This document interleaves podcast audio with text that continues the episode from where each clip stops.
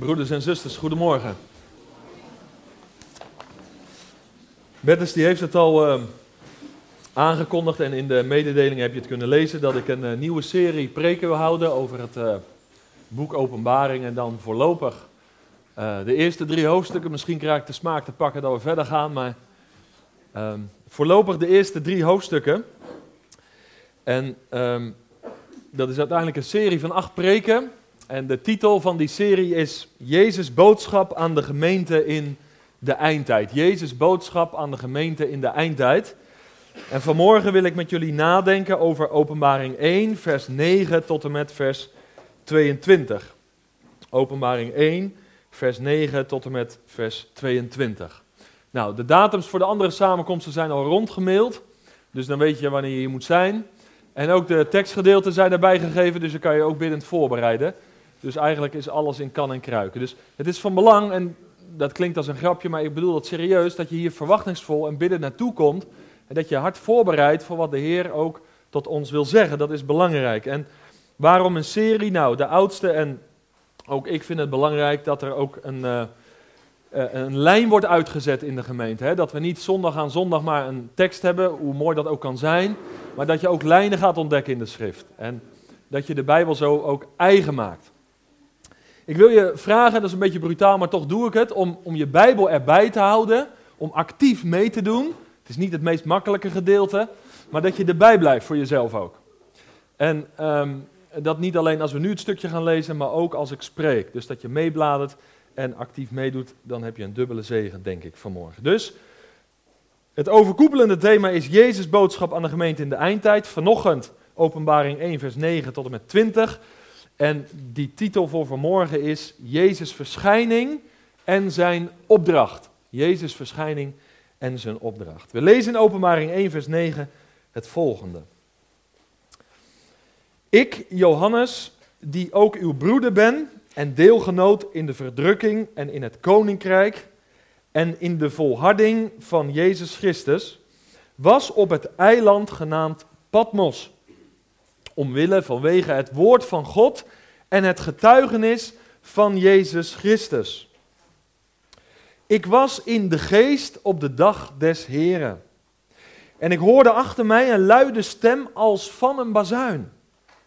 Die zei, dat is overigens een zin die niet in de oorspronkelijke teksten staat, maar hier wel. Ik ben de Alpha en de Omega, de eerste en de laatste. En de volgende zin wordt daar wel weer in vermeld. Wat u ziet, schrijf dat op een boekrol en stuur het aan de zeven gemeenten die in Azië zijn. Dat is dus het huidige Turkije. Naar Efeze, naar Smyrna, naar Pergamus, naar Thyatira, naar Sardis, naar Philadelphia en naar Laodicea. Moet je alleen nog even over nadenken. Hè? Dat is dus het huidige Turkije. Deze gemeenten kregen deze geweldige openbaring. En als je nu bedenkt wat daar nog van over is. En hoe de islam de overhand daar heeft. En ook heel bijzonder wat er op dit moment in dat land gebeurt. Het is, het is echt profetisch. Vers 12. En ik keerde mij om om de stem te zien die met mij gesproken had. En toen ik mij omgekeerd had, zag ik zeven gouden kandelaren. Te midden van de zeven kandelaren zag ik iemand die op de zoon des mensen leek. Gekleed in een gewaad tot op de voeten en op de borst omgord met een gouden gordel. En zijn hoofd en haren waren wit als witte wol, als sneeuw. En zijn ogen waren als een vuurvlam. En zijn voeten waren als blinkend koper, gloeiend gemaakt in een oven. En zijn stem klonk als het geluid van vele wateren. En hij had zeven sterren in zijn rechterhand. En uit zijn mond kwam een tweesnijdend scherp zwaard. En zijn gezicht was zoals de zon schijnt in haar kracht. En toen ik hem zag, viel ik als dood aan zijn voeten. En hij legde zijn rechterhand op mij en zei tegen mij: Wees niet bevreesd. Ik ben de eerste en de laatste en de levende. En ik ben dood geweest en zie, ik ben levend tot in alle eeuwigheid. Amen. En ik heb de sleutels van het rijk van de dood, van het dodenrijk en van de dood zelf. Schrijf nu op wat u gezien hebt. En wat is. En wat hierna geschieden zal. Het geheimenis van de zeven sterren die u in mijn rechterhand hebt gezien. en van de zeven gouden kandelaar is. De zeven sterren zijn de engelen van de zeven gemeenten. En de zeven kandelaren die u hebt gezien zijn de zeven gemeenten. Tot zover. Jezus' verschijning en zijn opdracht. Als we kijken naar het woord openbaring, dan uh, betekent het woord openbaring zoveel als tevoorschijn komen. Onthulling. En je zou dat kunnen vergelijken met een, uh, met een podium hè, waar een gordijn hangt. En op een gegeven moment dan is daar een voorstelling en de zaal zit klaar, zoals jullie nu naar mij kijken. Er hangt hier een gordijn en op een gegeven moment dan is daar de aanvangstijd en wordt het gordijn weggetrokken. Zodat de zaal ziet wat er zich op het podium afspeelt. Eerst zie je nog niks, maar er vindt een onthulling plaats, een openbaring. Er komt iets tevoorschijn.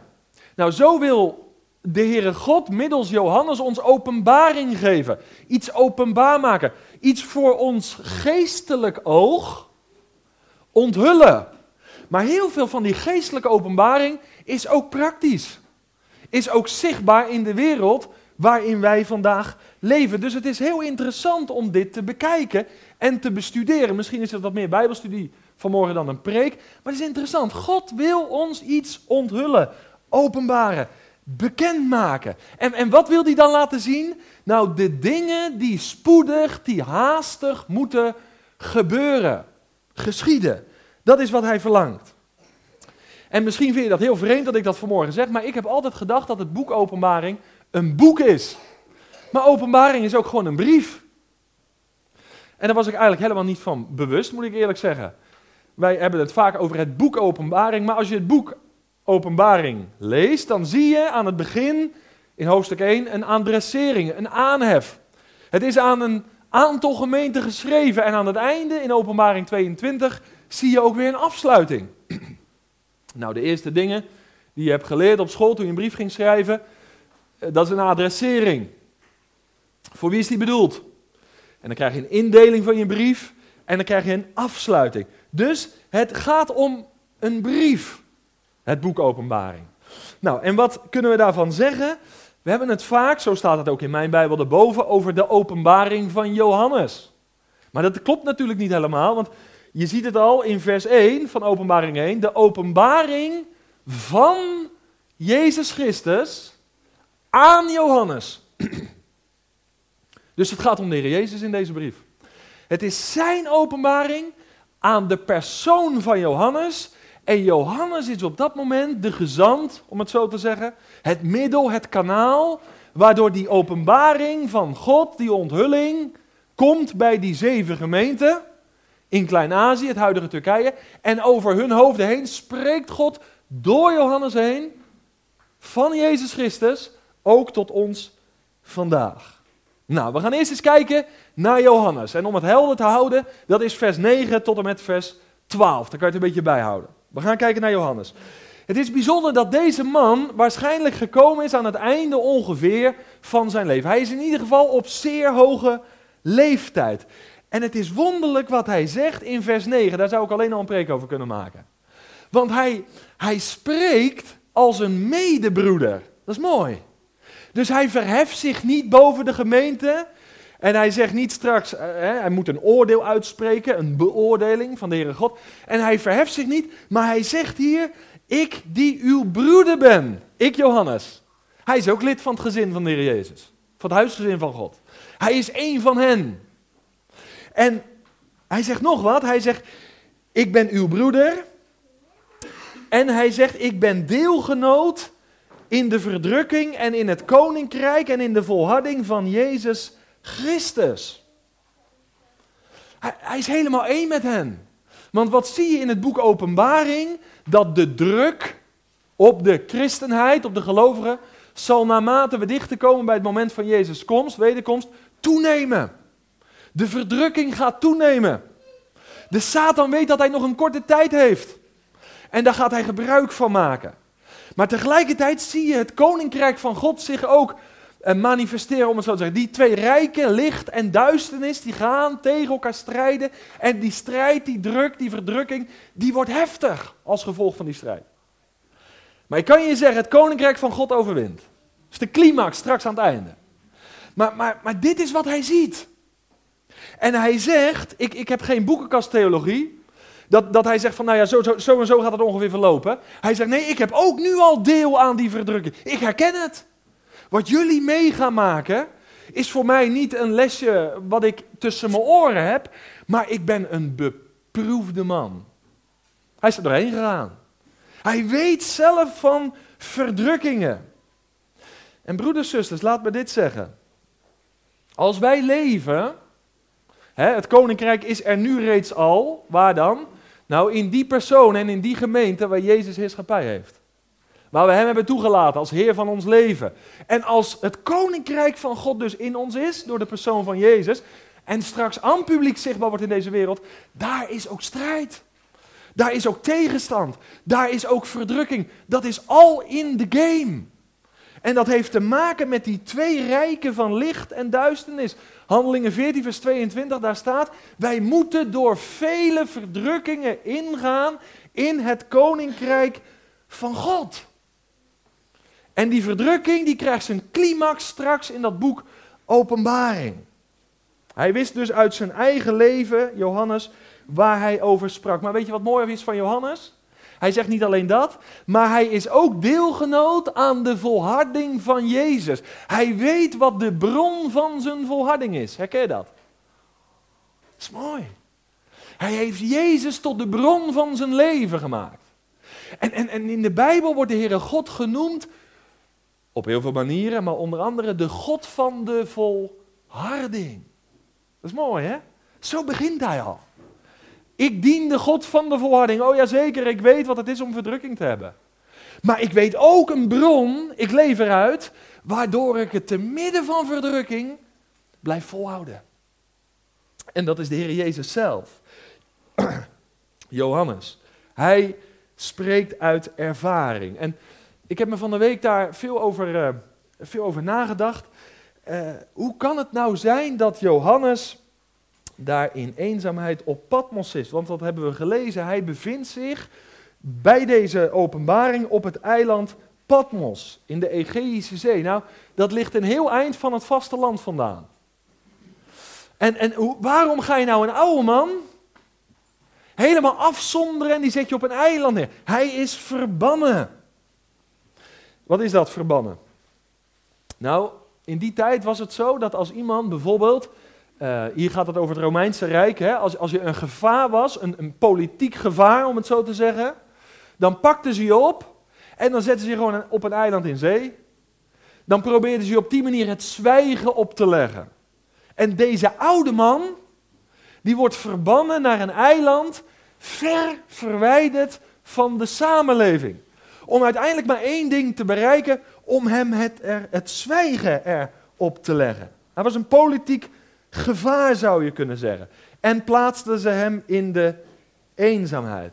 En ik moest hierover nadenken, want weet je, van deze Johannes staat ook geschreven, tot vijf keer toe in het Johannesevangelie, het was de discipel welke Jezus lief had.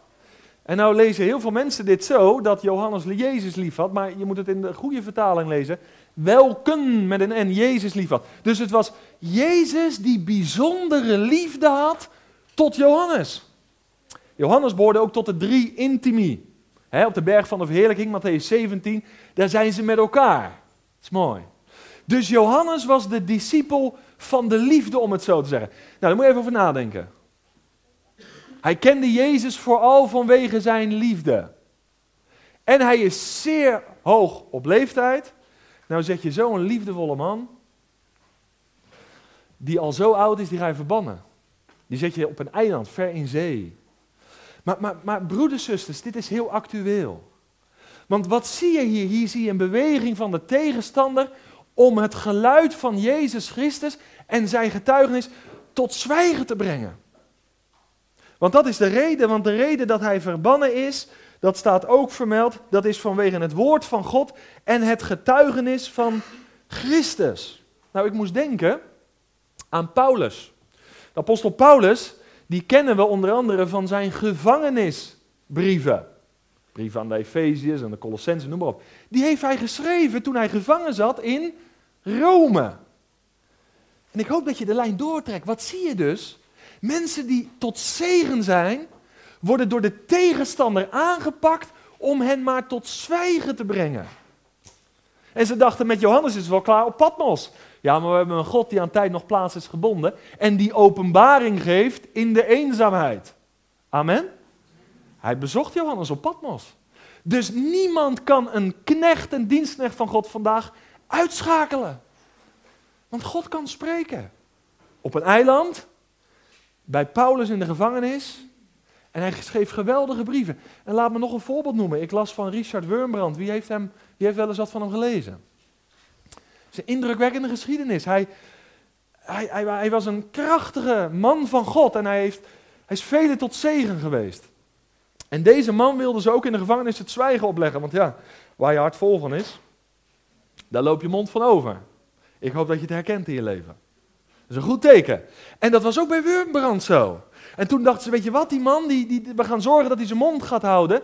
En ehm, je had daar in die gevangenis een grote beerput, misschien ket verhaal wel. En in die beerput, daar kwamen alle rioolbuizen van alle toiletten van de gevangenen kwamen daarop uit. Dus even heel praktisch, hij stond daar in een bak vol met drek.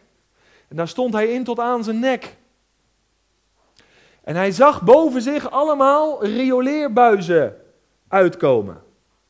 Waar de drek van de gevangenen doorheen kwam en naast hem viel. Hoe heeft deze man eruit gezien? Maar Wurmbrand die wilde zich niet laten ontmoedigen. Moet je even over nadenken.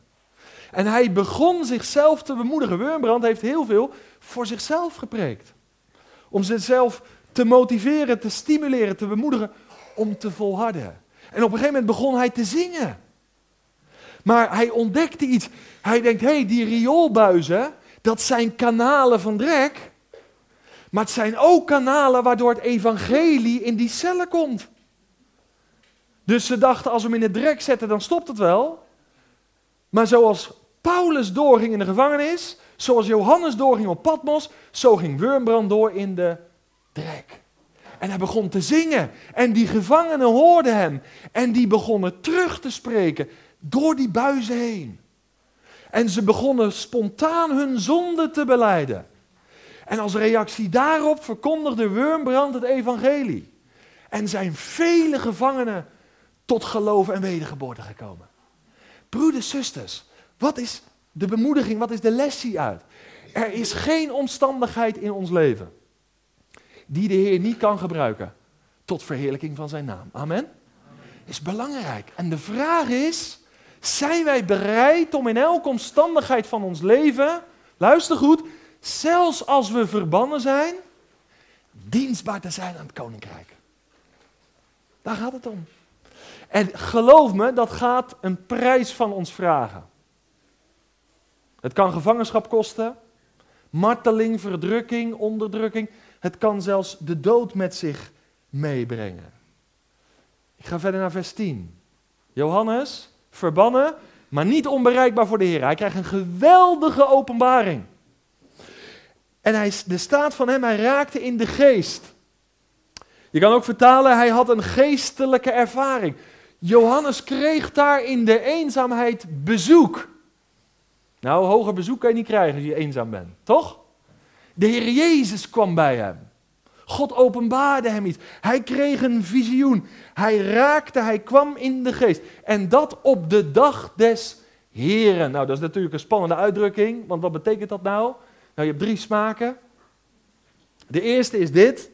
Ik heb van de week een beetje discussie met Annette erover gehad, wat dat betekent, maar je zou vanuit 1 Thessalonicense 5 vers 2 kunnen denken aan de definitieve oordeelsdag. Dat het daarover gaat en dat, dat Johannes in de geest daar naartoe geleid wordt. Dat is mogelijkheid 1. 2. Je kan ook denken aan een periode, want het woord dag in de Bijbel is heel vaak ook beeld van een bepaalde periode. We lezen in 2 Korinthe 6 vers 2 over de dag van zaligheid. De, de tijd, de periode waarin het nog mogelijk is om gered te worden. Dus een wel aangename tijd, dag van zaligheid. Dus dag in de Bijbel kan een dag zijn, 24 uur, maar het kan ook een periode zijn. En in het kader van Openbaring 1 is het dan de periode van de eindoordelen, waar Openbaring over schrijft. Het tweede. En het derde,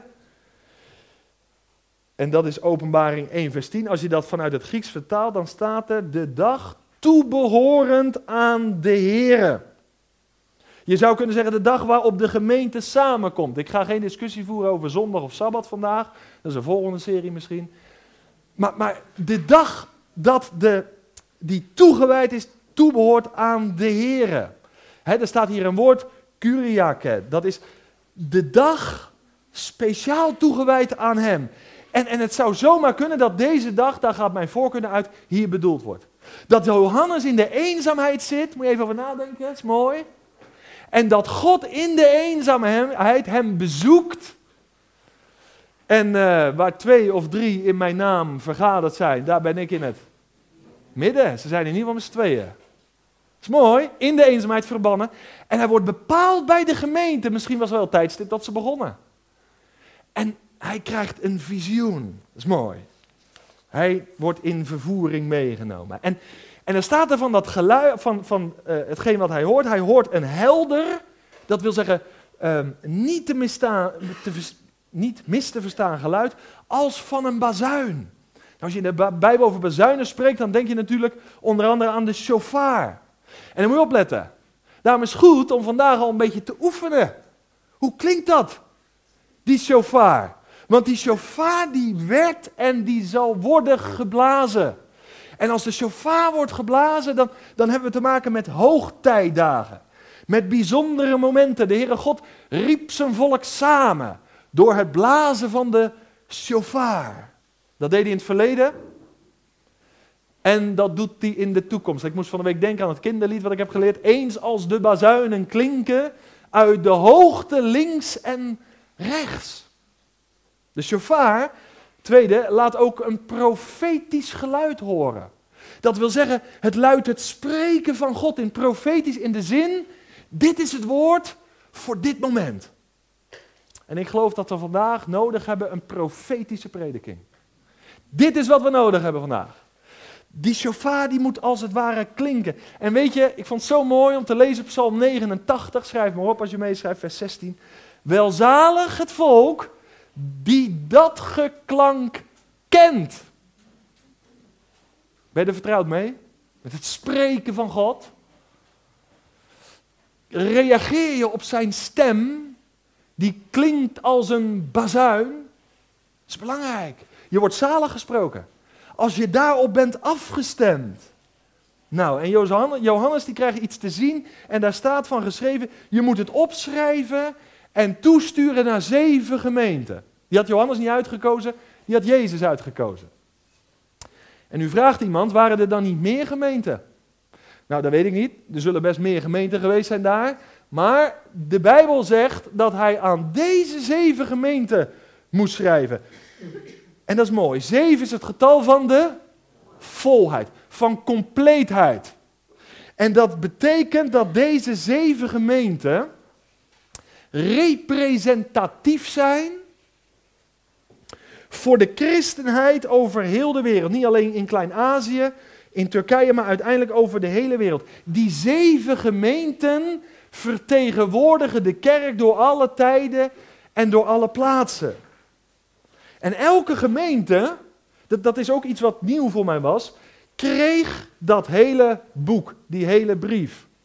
Ik dacht alleen, Smyrna krijgt briefjes Smyrna, Efeze krijgt briefjes Efeze, begrijp je? Nee, alles wat Johannes ziet moet hij opschrijven. En heel dat boek gaat naar Smyrna, heel dat boek gaat naar Efeze. Dus die gelovigen in Efeze, die konden zien wat er in Smyrna mis was. Dat las je van elkaar. Want het hele boek werd naar die zeven gemeenten verstuurd. Nou, wat is nou bijzonder hieraan? Nou, al die zeven gemeenten, die hebben allemaal hun eigen karakter. Ze hebben allemaal hun eigen verzoekingen. Ze hebben allemaal ook hun eigen overwinningen. En schrik niet, die zeven brieven die we gaan behandelen, het zijn zeven grote spiegels die de Heer voorhoudt. En ehm, ik heb vroeger heel veel preken geluisterd van uh, dominee van Dijk, zeggen jullie misschien niks. Oh. En ik ben nou zijn levensbeschrijving aan het lezen en eh, die heeft gestaan in de plaats waar ik vroeger ben opgegroeid. En dat is een hele bijzondere man. Ik heb daar zeer veel zegen van ondervonden. En die zei altijd dit, een christen is een spiegelkijker en geen ruitenkijker. Kijk, door een ruit zie je hoe slecht een ander is, hoe dik die ander is. Maar in de spiegel zie je hoe dik je zelf bent. Dus een christen is een spiegelkijker. Nou, die zeven brieven aan die gemeente zijn zeven spiegels. Ze confronteren ons dus met onszelf. God liet die gemeenten in de spiegels kijken. En luister goed, het waren spiegels waardoor we iets kunnen afleren. En het waren spiegels waardoor we iets kunnen aanleren. Ik kreeg vroeger een, uh, tijdens mijn opleiding marketing, een, een, uh, moest ik SWOT-analyses maken. Hè? Sterkte en zwakte analyse. Nou, nou, dat is het. Zeven SWOT-analyses. Wat zijn de sterke punten? Wat zijn de zwakke punten? Wat zijn de uitdagingen? Wat zijn de bedreigingen? En nu zijn er ook uitleggers, en ik geloof daar ook wel in, die leren dat de zeven brieven uiteindelijk zeven opeenvolgende perioden zijn in de hele geschiedenis. Dus dat je kan zeggen, we zitten nu in de periode van Smyrna. Of dit is echt typisch Efeze-tijd. Of uh, dit is Laodicea. En ik denk dat daar wel een kern van waarheid in zit. Maar daar komen we nog op. Dus het is heel interessant. Eén, welke gemeente zijn wij? Waar kunnen we wat van leren? En wat, wat, wat, zit er ook bij ons, wat we moeten afleren? En tegelijkertijd kunnen we de tijd gaan duiden van in welke fase bevinden we ons. Dus dat is interessant. Nou, nu ga ik verder. Die zeven gemeenten worden vergeleken met zeven gouden kandelaar. Zeven gemeenten, representatief voor de kerk van alle tijden en plaatsen. Ze zijn als kandelaren. Gouden wel te verstaan. Nou, goud dat spreekt van de heerlijkheid van God. Dus goud zegt iets van de gemeente. De gemeente is vandaag geroepen, niet om een clubje uh, mensen te vormen uh, van gezellig bij elkaar te zitten of geestelijk amusement. De gemeente is geroepen, schrik niet, om Gods heerlijkheid te openbaren. Het verheerlijkte hoofd is in de hemel, wij zijn nog op aarde. Maar als het goed is, is iets van het hoofd zichtbaar in ons van Gods heerlijkheid. En het zijn kandelaren. Nou, een kandelaar spreekt van licht. De Bijbel zegt het. In Matthäus 5, vers 16, laat uw licht zo schijnen voor de mensen, dat zij uw goede werken zien en uw Vader die in de hemel is, verheerlijken. Zeven koude kandelaren. En wie is het middelpunt? Wie is middelpunt van de gemeente? Uh, wat verbindt de gemeente? Wie is hun lichtbron? is Jezus zelf. Hij is het middelpunt. En laat me dat meegeven aan ons allemaal. Er is in deze tijd veel verwarring en veel verdeeldheid. En nou kan je ervoor kiezen om de verwarring, de verdeeldheid groter te maken. Of je kan zoeken naar datgene wat ons bindt. Geloof me, jullie zijn het niet in alles met mij eens. Maar ik ook niet met jullie. Maar ik geloof dat wij wel hecht verbonden zijn. Door de band van de liefde, door de Heilige Geest, maar heel bijzonder door de persoon van Jezus Christus. Hij die ons leven is. Paulus zegt, hij is onze vrede. En hij is ook hier in openbaring 1 het middelpunt. En nou wordt het, kom ik iets dichter bij je hart. Want als ik dit gezegd heb van die kandelaren, wat is dan de roeping van de christenheid vandaag? Wat is jouw en mijn roeping vandaag? Wat is de roeping van de christelijke gemeente Alblasserdam in 2017 aan het begin van het nieuw jaar? Dat is uitstraling zijn van Gods heerlijkheid. Openbaring zijn van wie God is. Geloof je dat? En daarom moet je nooit oppervlakkig over de gemeente denken. Het is niet de kerk van hem of van hem of van hem of van haar. Het is het lichaam van Christus. Geroepen om Gods heerlijkheid in de wereld, verloren in zonde en schuld, te openbaren. Hoge roeping toch? Dat is een hele hoge roeping. En het tweede, is om licht te verspreiden. En nu, komt het tot het nu kom ik tot wat meer profetische aspecten. Want deze twee, de openbaring van Gods heerlijkheid en licht te zijn in de wereld, die twee staan in de eindtijd onder druk. Omdat er heel veel, ja wat is er? Er is veel dwaalleer vandaag. Er is veel oppervlakkigheid. Er is veel onheiligheid. Er is veel valse leer. En nou begrijp ik waarom Paulus, of waarom Johannes dit visioen krijgt voor de gemeente in de eindtijd. God wil ons voor struikelen bewaren. En hij wil ons vandaag en de volgende spreekbeurten bepalen bij valstrikken, bij valkuilen. Want wij zijn niet beter als Smyrna. Wij zijn niet hoger als Efeze. Wij zijn niet beter als Laodicea. Maar wij kunnen ervan leren, opdat we vandaag ons voordeel ermee zouden doen. Dat is genade van God, toch? Maar daarvoor openbaart Jezus zich wel vanmorgen als een rechter. Niet over de goddeloze wereld, maar over zijn gemeente. Als een oordeler, als een beoordeler. Om te kijken hoe staat het er bij ons voor. De zoon des mensen. Hij openbaart zich op deze manier. En die twee staan dus onder druk. Gods heerlijkheid en het verspreiden van licht. En wat doet de Heer Jezus hier? En dat is best heel confronterend als je dit goed beseft en tot je door laat dringen.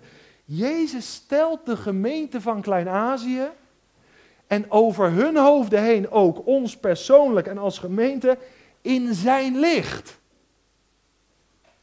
Ik heb dat voorbeeld eerder gebruikt, maar hoe dicht hij bij het licht komt, hoe meer je ziet, of niet?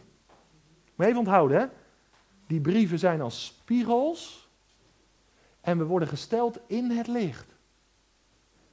In een spiegel zie je jezelf en als je nog bijschijnt, dan zie je jezelf nog beter. Dan zie je ook alle kleine details. En dit is wat er hier gebeurt.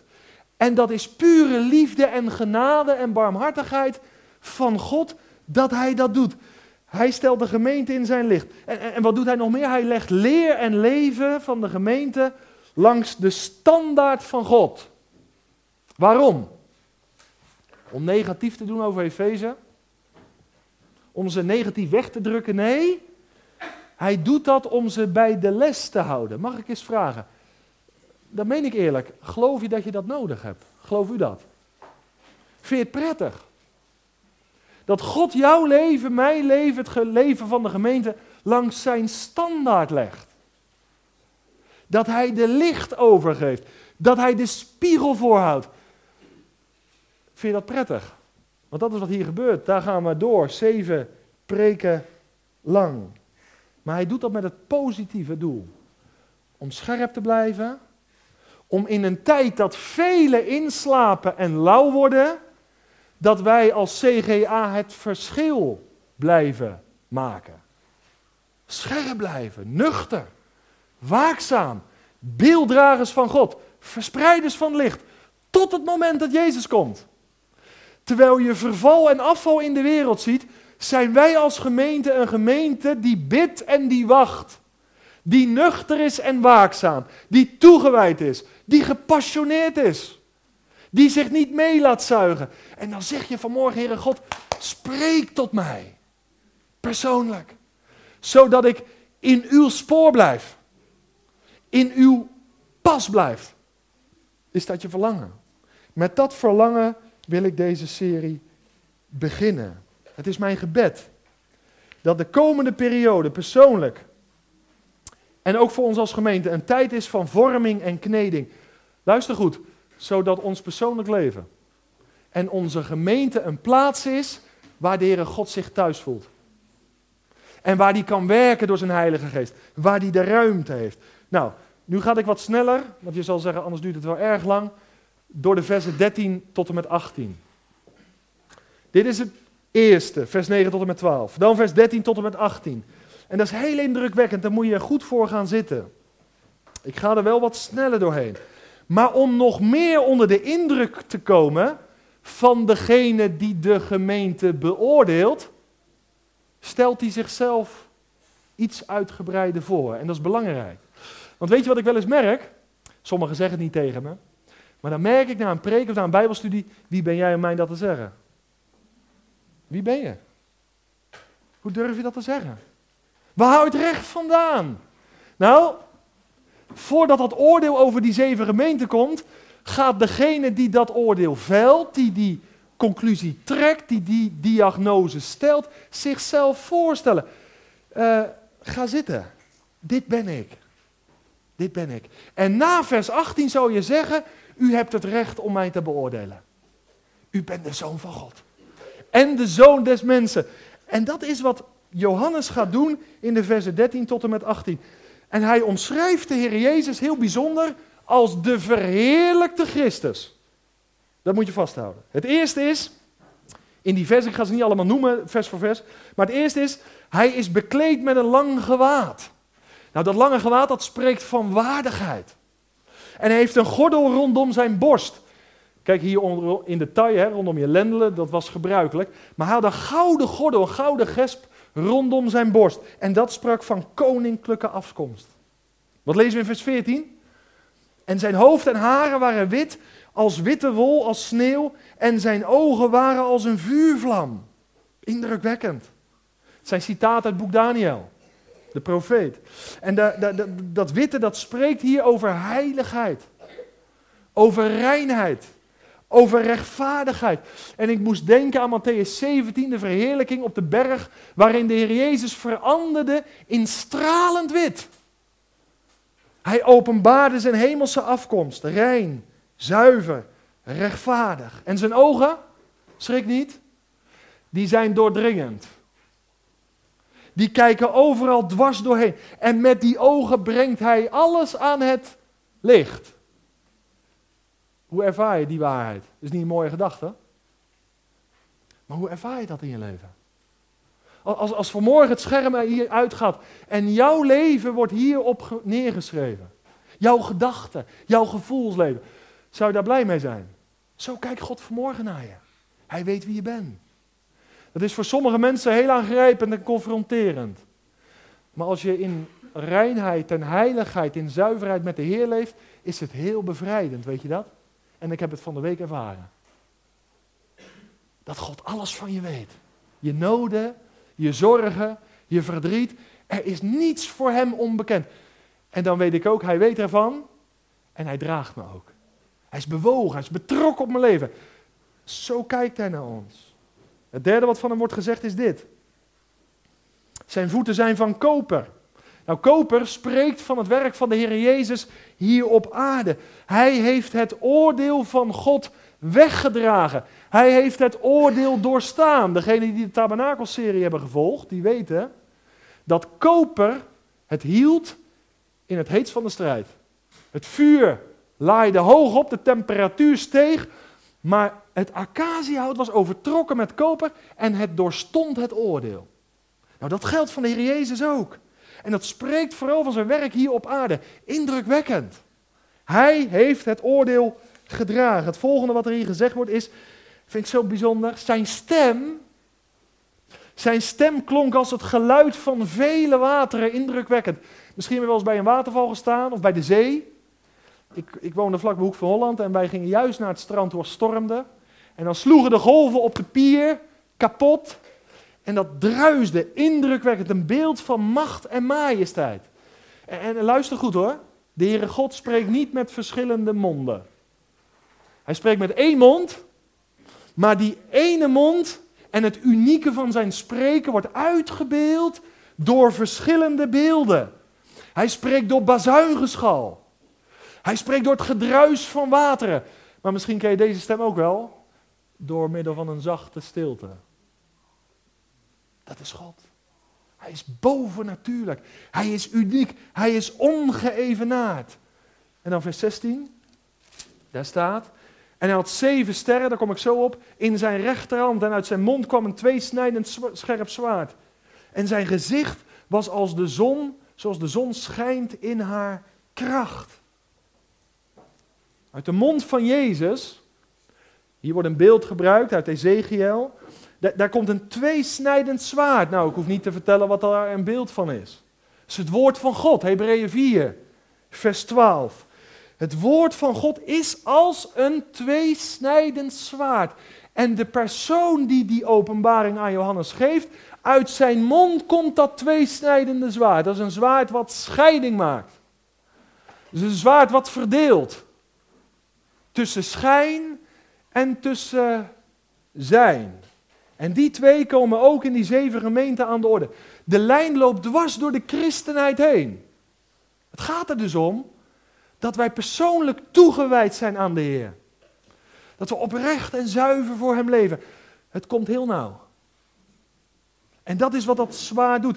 Het zwaard is helend en genezend. Het heeft heel veel functies.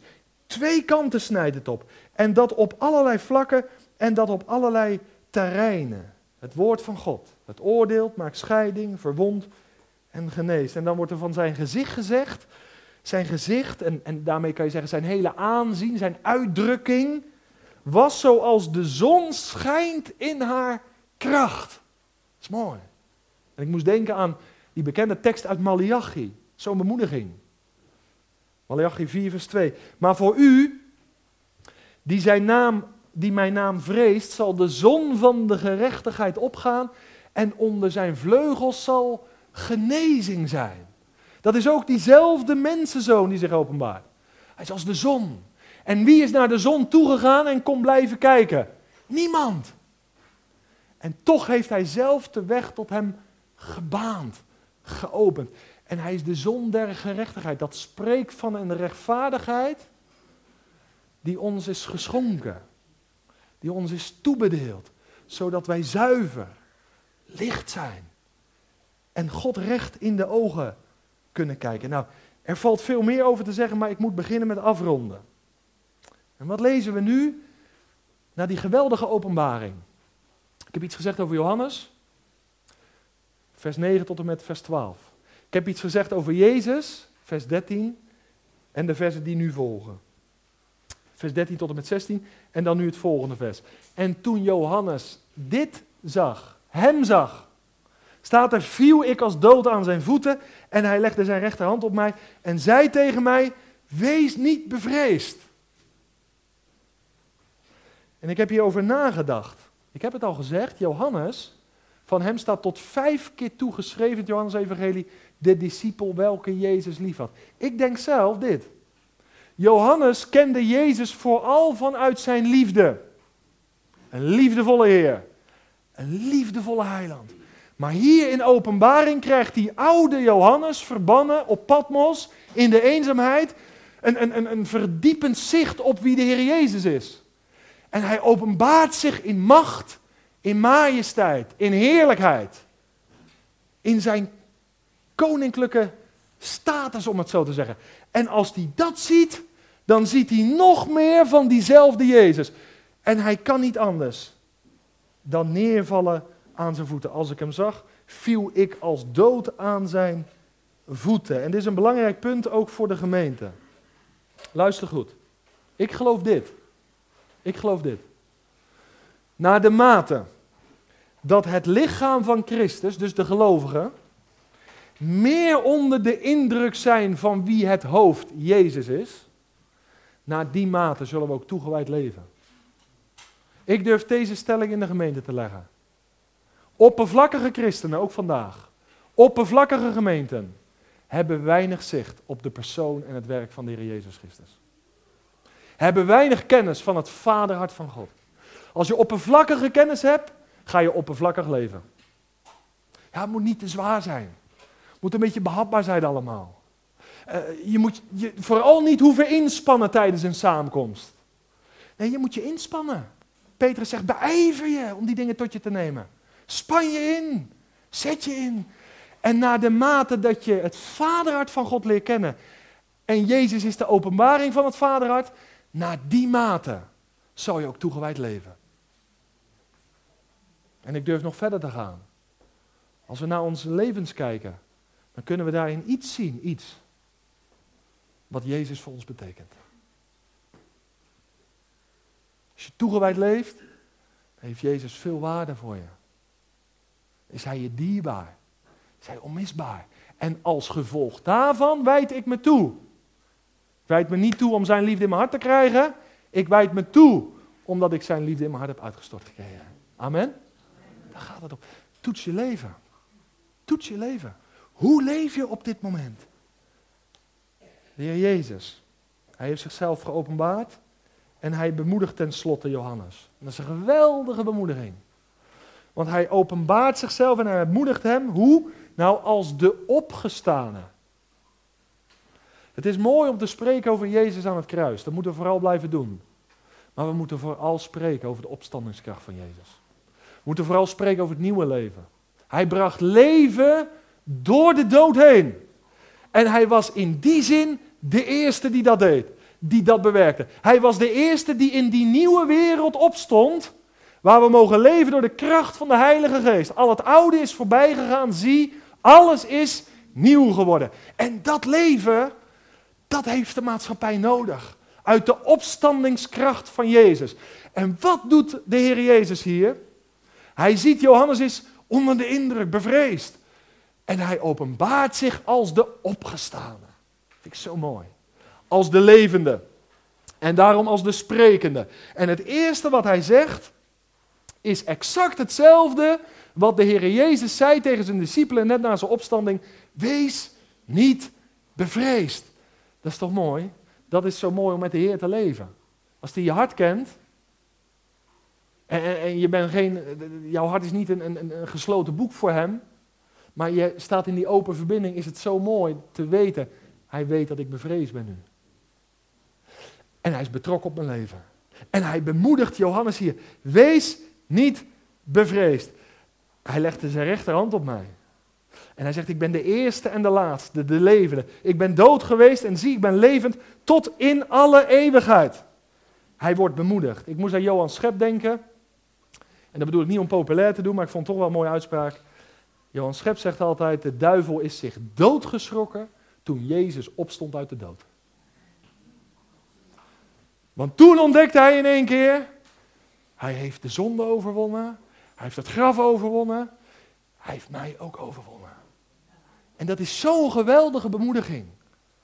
Jezus overwon de dood, glorie, halleluja. En weet je wat er bijzonder is? Openbaring 1, openbaring 20. Aan het begin van deze brief wordt Satan al meegedeeld, om het zo te zeggen, dat hij de absolute verliezer is. En dat hij definitief in openbaring 20 gestopt wordt in de poel die brandt van vuur en zilver. En Hebreeën 2, daar hebben we in de serie over nagedacht, leert dat voorheen de duivel de macht over de dood had. Maar wat lezen we in Romeinen 14, vers 9? Jezus is gestorven en opgewekt om te heersen over doden en levenden. Hij heeft alle macht. Hij heeft de sleutels. En sleutels in openbaring 1, dat is het beeld van de macht. Hij heeft de macht over het dodenrijk en de dood. Er staat hier dodenrijk, geen hel. En dodenrijk wil zeggen de plaats van de onrechtvaardige voor het grote eindoordeel. Maar dat is een boodschap op zichzelf. Ik moet echt afsluiten, vers 19 en vers 20.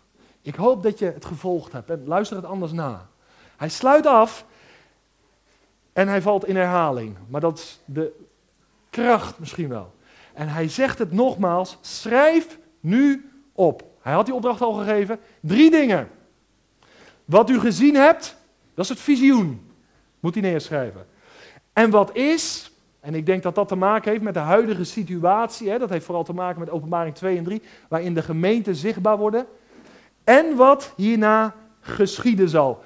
En dat is het slot van het boek, waar het op uit gaat lopen. Dit moet hij opschrijven, noteren, op gezag van God. En onthoud dit. 2 Timotheus 3 leert dat alle woord is door God ingegeven, geïnspireerd. Maar hier staat het heel specifiek als een opdracht van God. Schrijf dit op, stuur het rond en geef acht op dit woord. Zo belangrijk. Hier staat nog één ding wat ik nog niet verteld heb. De kandelaars, ze zijn beelden van de gemeente. De sterren, ze zijn beelden, zegt vers 20, van de engelen. Nou, voor engelen worden verschillende betekenissen genoemd door uitleggers. engelen zijn uiteindelijk boodschappers, gezondenen, gezanten, maar Engelen zijn niet degene die echt leiding geven concreet aan een gemeente. Dus dat is moeilijk om dat zo uit te leggen. Je zou kunnen denken dat de engelen de verschillende gemeenten in de hemel vertegenwoordigen. Maar de meeste uitleggers denken dat het gaat om mensen die door God gezonden zijn. Gezondenen, gezanten, boodschappers. En dan kan je denken aan profeten, kan je denken aan oudsten, aan voorgangers, nou, noem maar op. Mensen die een bepaalde leidinggevende taak hebben. En het bijzondere is, die zijn in Gods rechterhand. Hij zendt ze uit met een boodschap. En ik geloof, en dat bedoel ik in alle nederigheid ook, ook deze morgen. Hij zendt uit boodschappers, verkondigers, opdat je deze boodschap, en dit was een inleiding op de zeven brieven, en de boodschappen die komen ter harte zal nemen. Dit woord is aller aanneming waardig. En het raakte me. Toen ik vanmorgen vroeg uit mijn bed was en las in Openbaring 22. Lees dat nog maar even mee. Ter afsluiting.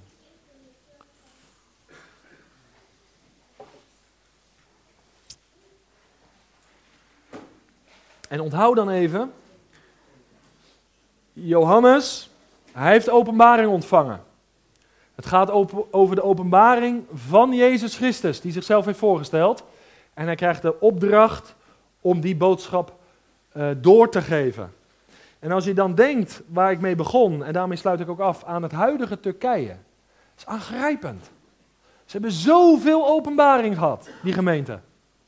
Die hele brief. En als je ziet wat er nu nog van over is. En daarom komt het heel dicht bij ons hart. Wat gaan wij doen met deze prediking?